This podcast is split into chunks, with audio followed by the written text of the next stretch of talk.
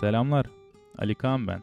Terapi adını verdiğim podcast serimde bazen sizlerden gelen, bazense benim içime dert olmuş toplumsal veya bireysel problemleri derinlemesine analiz ediyorum. Programıma terapi adını vermemin sebebi mikrofonu açtığım anda sanki bir terapi seansındaymışım gibi fikir ve düşüncelerimi açıkça dile getirebilmek. Bu sebeple konuşmalarımı bir yazılı metin üzerinden değil de doğaçlama olarak yapıyorum. Hatta konuşma yapmayı bırakın sesi düşünüyorum diyebilirim. O yüzden bazen kafam karıştığı için cümlelerim de karışabilir. Bugün ümitsizlik üzerine konuşmak istiyorum. Bunu konuşmamın ana sebebi aslında geçtiğimiz yıllar içerisinde yaşadığımız onlarca kötü, kaotik olayın bilinçaltımızda yarattığı belli başlı imgesel işaretlerin artık hem kendimde hem çevremde hem de gördüğüm birçok tanıdığım birçok insanda dışa vurmaya başlıyor olması. Pandemiyle başlayan ardından ekonomik krizler, belirsizlikler, can kayıpları gibi gelişmelerden sonra yine kendi ülkemizle alakalı, çevre ülkelerle alakalı, dünya ile alakalı, iklim değişikliğinden tutun, Afganistan'da yaşanan olaylara, mülteci krizlerine, yeniden belirtmek gerekir ki ekonomik krizlere, yangınlara, hayvanlara şiddete, kadınlara şiddete, yani herhalde saymakla bitmeyecek derecede kötü olay, kötü anımsama bize yaşatan bu son birkaç yılın bizim için bu kadar hatırlanabilir olmasının ana sebeplerinden biri de hep bu bahsedilen haber alma aygıtlarının ya da haberleşmenin giderek demokratikleşmesi. Bu tabii ki de çok tartışılabilecek bir şeydir. Haber alma araçları demokratikleştikçe de bildiğiniz gibi sansür de artıyor. Kötümser bir taraftan baktığınızda sansür daha çok artmış oluyor. Evet belki de ama bir taraftan baktığınızda atıyorum sosyal medya gibi bir nimet sayesinde de birçok şeyi görmüş, takip edebilmiş, sansüre yakalanmadan bazen görmüş, e, tepki verebilmiş oluyoruz.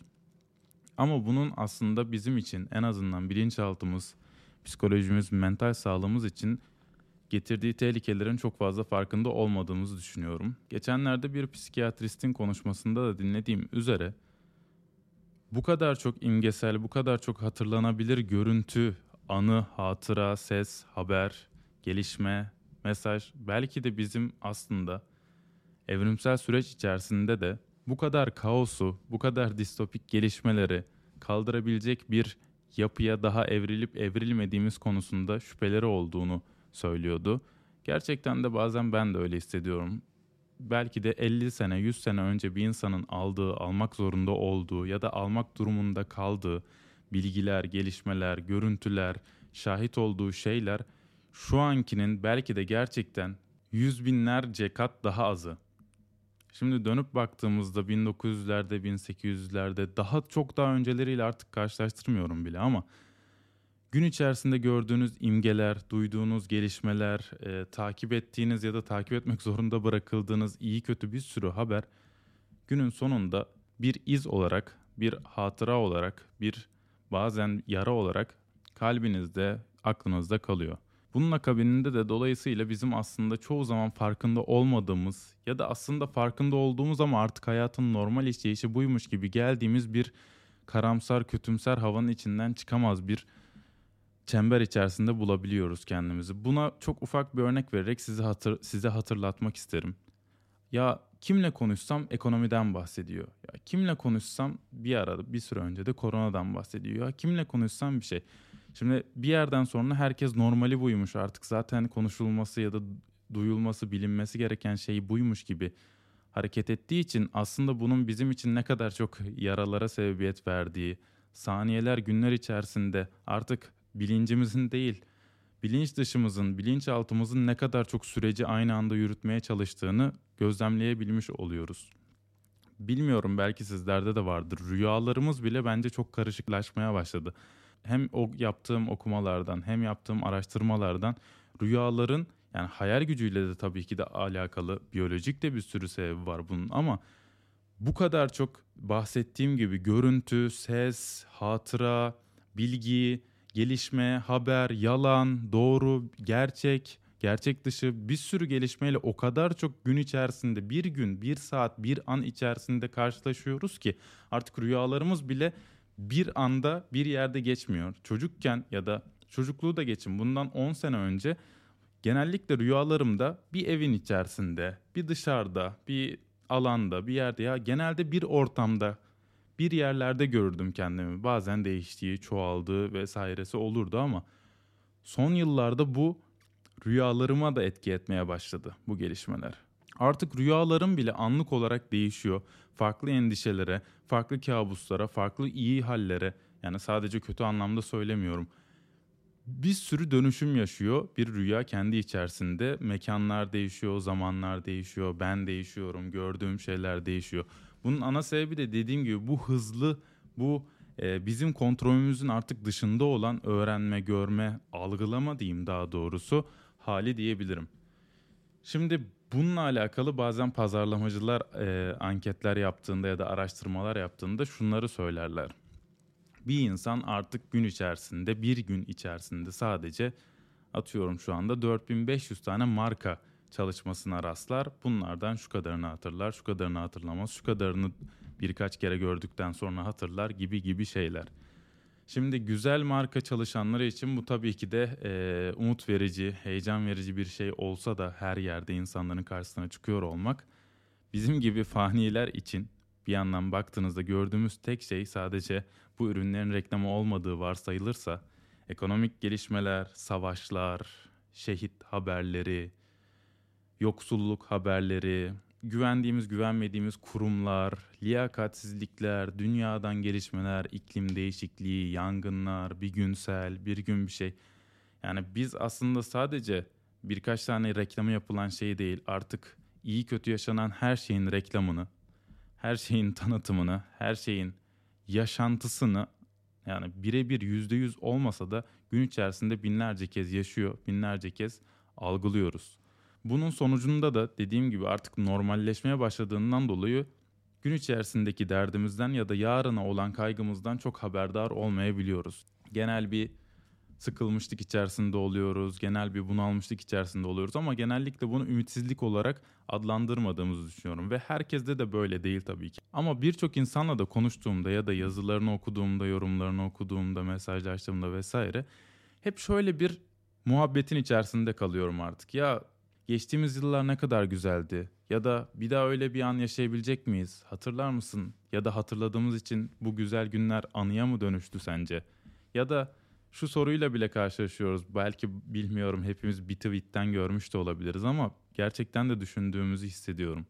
Ya yaşayacağımız en güzel günümüz dünse ya da bir hafta öncesi, bir yıl öncesi, beş yıl öncesi. Bunu değerlendirdiğimi, bunu da arkadaşlarımın değerlendirdiğini ve bugüne yarına karşı biraz daha enerjisiz, biraz daha neşesiz olduğunu görüyorum. Bu tabii ki de bilinebilecek bir şey değil. Sadece üstüne kafa yorunca, üstüne derin derin düşününce insana bazen acaba mı dedirten bir şey. Ama burada aslında hani bazı olaylar vardır, bazı durumlar vardır siz sebebinden sonucunu bulmaya çalışırsınız ama aslında tam olarak da sebebi sonucudur ya. Bu da onun gibi aslında. Siz eğer düşünüyorsanız ya da biz dersem daha doğru olur belki de. Biz acaba en güzel günümüz geçti mi diye düşünüyorsak bugünden, yarından umutsuz, ümitsiziz demek anlamına gelmez mi bu? Çok fazla geçmişte yaşamak, çok fazla geçmişle alakalı hayal kurmak, güzel anılarda yaşamak, fotoğraflarda, hikayelerde, hatıralarda yaşamak aslında bugünden, yarından ümitsizliği, umutsuzluğu içermez mi kendi içinde? Ve bu ümitsizlik bazen büyür, bazen büyür, fark etmedikçe, adlandırmadıkça, çözmeye çalışmadıkça, anlam vermeye çalışmadıkça bunu büyür. Yarındanki ümitsizliğimizin hepsi bugüne gelmeye başlar bize daha da yaklaşmaya başlar. Yarından olan korkumuz bir hafta sonradan, bir yıldan, bir yıl sonradan, beş yıl sonradan olan korkumuz gitgide bize daha da yaklaşmaya başlar. Bir yıl, bir ay, bir hafta, bir gün, bugün. Bugünün sonunda da Artık yarından korkan değil, bugünden, olduğu andan korkan, olduğu ana karşı şüpheleri olan, olduğu ana karşı belirsizlik içerisinde hisseden bir insana dönüşür ve aslında anda da anımızda bile yaşayamaz hale geliriz. Ümitsizliğin en çok korktuğum yanlarından biri de bu aslında. Artık yarının da bir anlamının kalmayışı, yarınla alakalı çabalaşmanın anlamsızlaşmaya başladığını düşünmek, bu belirsizlik içerisinde ki hepimizin özellikle belki de gençlerin şu sıra aklında olan yarına, öbür güne, gelecek seneye karşı olan bu gelecek kaygısının gitgide bize yaklaşması, gitgide bir haftaya, bir güne, bugüne dönüşüyor olması beni gerçekten ürkütüyor. Bunun da bu hale dönüşmesini anlayabiliyorum aslında. O kadar çok yarından hayal kırıklığına uğruyorsun ki, o kadar çok yarın bugün olduğunda üzülüyorsun, yıkılıyorsun, dünü arıyorsun ki her gün kötüye gitmeden kaynaklı olarak bugünün de bir anlamı kalmıyor dediğim gibi. Bu da bizi işte fark etmediğim başından beri konuştuğumuz depresyona, bir melankoliye sürüklüyor. Dolayısıyla yarınla alakalı hayal kuramayıp olduğumuz andan da keyif alamamaya başlıyoruz. Ve hep dünü, bir hafta önceyi, bir ay önceyi, beş sene önceyi, on sene önceyi düşünüyoruz. Önceden bir şeyleri yitirmiş insanlar, bir şeyleri belki de kaybetmiş etmiş insanlar sadece filmlerde ya da tanıdığımız yakın çevremizde bu tarz şeyler hissederdi. Sevdiği kadından istemediği için ayrılmış. Sevdiği dostlarını, yakınlarını, ailesini kaybetmiş. Yani aslında bir travma yaşamış insandan sadece bunu belki de tam anlamıyla görürdük, gözlemleyebilirdik. Ama şimdi en ufak, en genç, en saf yürekli, en bir şey, en dramaların içinde yaşamayan insanda bile bu durum gayet normalleşmişse aslında her anımızın artık yaşadığımız her anın bu kadar çok bilginin, bu kadar çok gelişmenin, bu kadar çok kaosun kafamıza her gün binlercesinin sokulduğu bir günde her gün travma yaşamak normalleşti belki de diyebiliriz.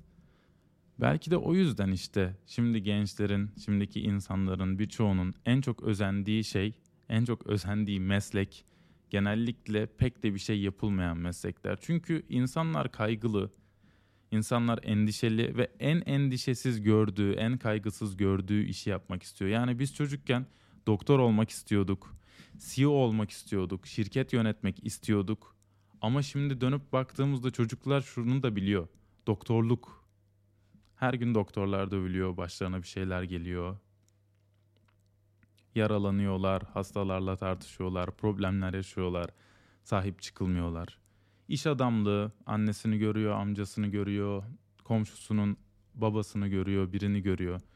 Bakıyor ne beyaz yakada ne yöneticilikte ne bir şeyde tam olarak mutluluk var. Onu da anlıyor, onu da gözlemleyebiliyor. Ya da internetten bakıyor.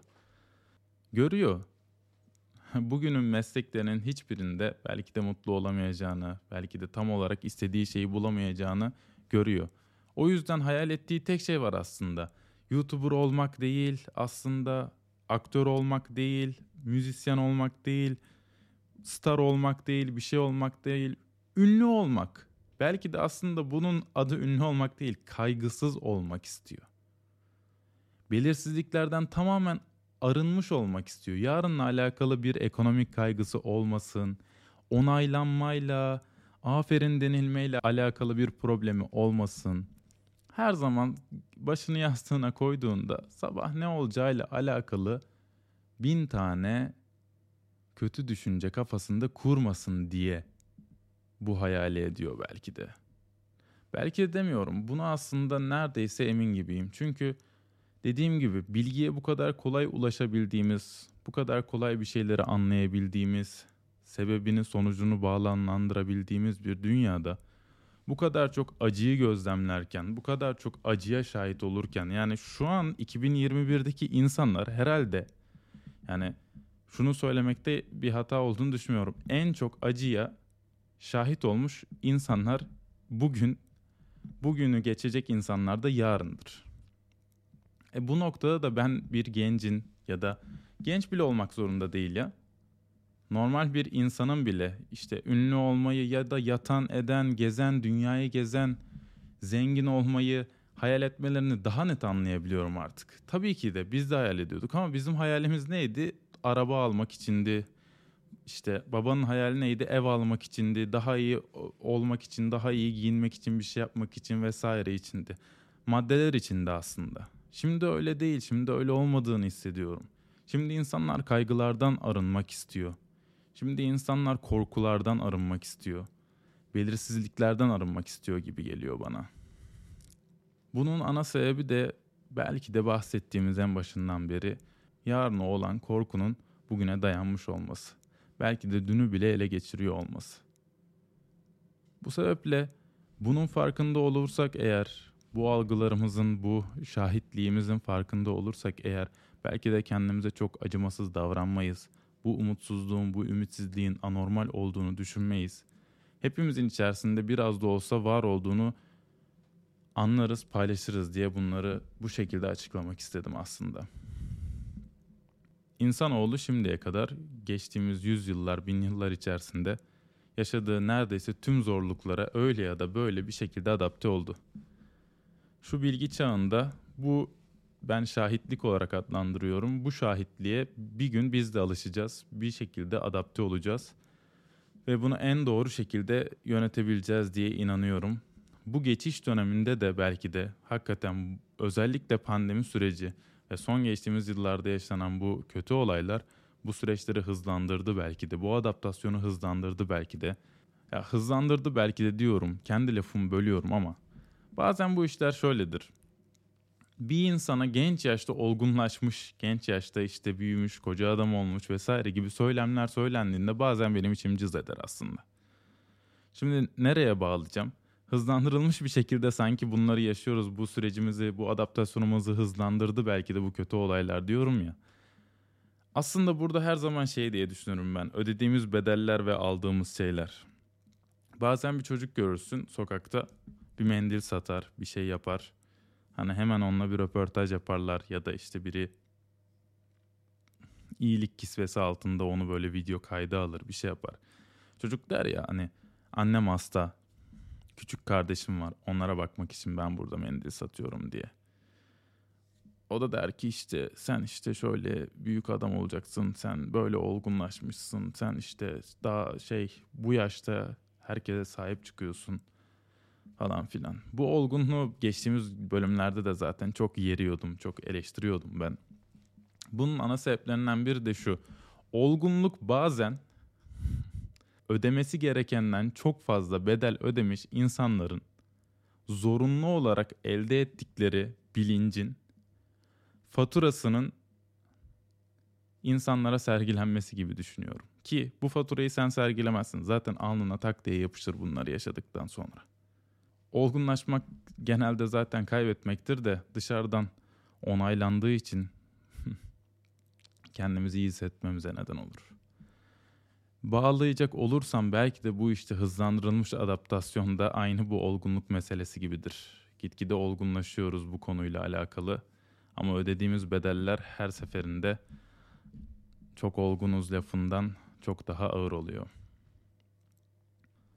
Evet. Yarının bugünle yer değiştirdiği, olgunluğun bedel ödemekle yer değiştirdiği bir bölümün sonuna geldik. Dinlediğiniz için hepinize teşekkürler böyle hisseden herkesin aslında hepimizin bir parça böyle hissettiğini bilmesi yeterli benim için. Teşekkürler.